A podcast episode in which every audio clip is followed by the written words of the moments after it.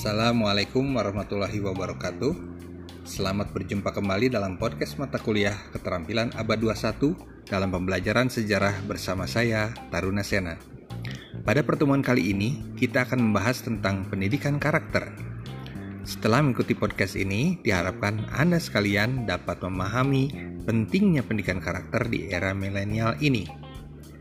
Pada masa milenial ini, Generasi yang dominan itu adalah generasi Z atau yang dikenal dengan Gen Z.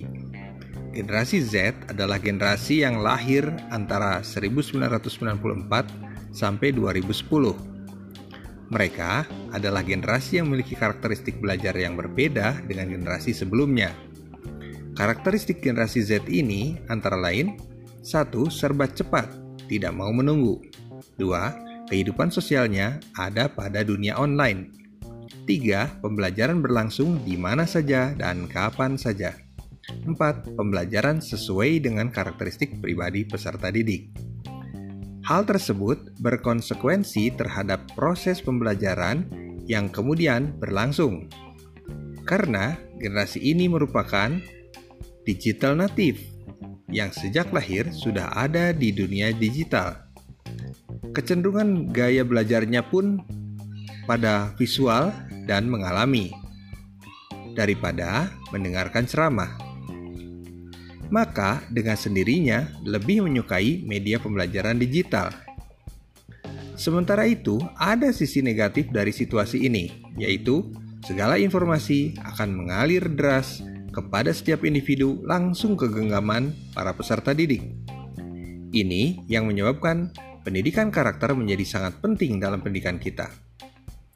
Mengutip pendapat William Franklin Graham Jr. yang menyatakan bahwa when wealth is lost, nothing is lost.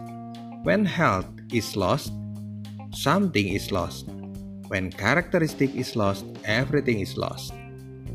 Lalu, ada pendapat Helen G. Douglas yang mengemukakan bahwa karakteristik karakter itu tidak diwariskan, tetapi sesuatu yang dibangun secara berkesinambungan hari demi hari melalui pikiran dan perbuatan.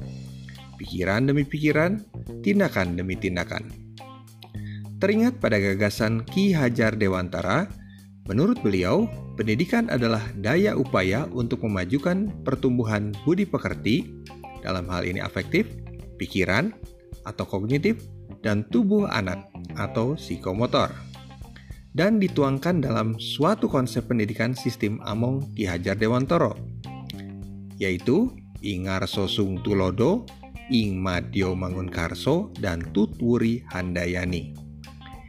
Ingarso Sung Tulodo mengandung nilai keteladanan, pembimbingan, dan pemanduan. Ing Madyo Mangunkarso mengandung nilai kreativitas, pengembangan gagasan, dan dinamisasi pendidikan. Dan Tutwuri Handayani yang mengandung nilai memantau, melindungi, merawat, menjaga, memberikan penilaian, dan saran-saran perbaikan sambil memberikan kebebasan untuk bernalar dan mengembangkan karakter siswa. Ketiga konsep pendidikan sistem Among Ki Hajar Dewantara tersebut diimplementasikan berupa lima ajaran Ki Hajar Dewantara, yaitu Lawan Sastra Ngesti Mulyo, Suci Tata Ngesti Tunggal, Tetep mantep antep, ngandel, kendel, bandel, kandel, serta neng, ning, nung, nang. Nah, para mahasiswa sekalian, setelah mengikuti penjelasan tadi, Anda sekalian secara berkelompok diharapkan mencari informasi terkait kelima ajaran Ki Hajar Dewantara tersebut. Kaji, diskusikan, dan tuangkan dalam bentuk peta konsep berplatform PowerPoint. Dalam pembahasannya harus dipaparkan terkait pengertian, keunggulan dan kekurangannya, serta peluang penerapannya di persekolahan saat ini.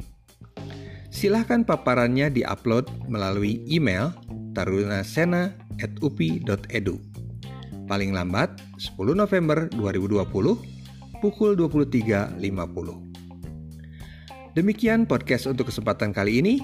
Mudah-mudahan penjelasannya dapat lebih memahamkan para mahasiswa sekalian. Mohon maaf atas segala kekurangan. Bilahi taufiq wal hidayah. Assalamualaikum warahmatullahi wabarakatuh.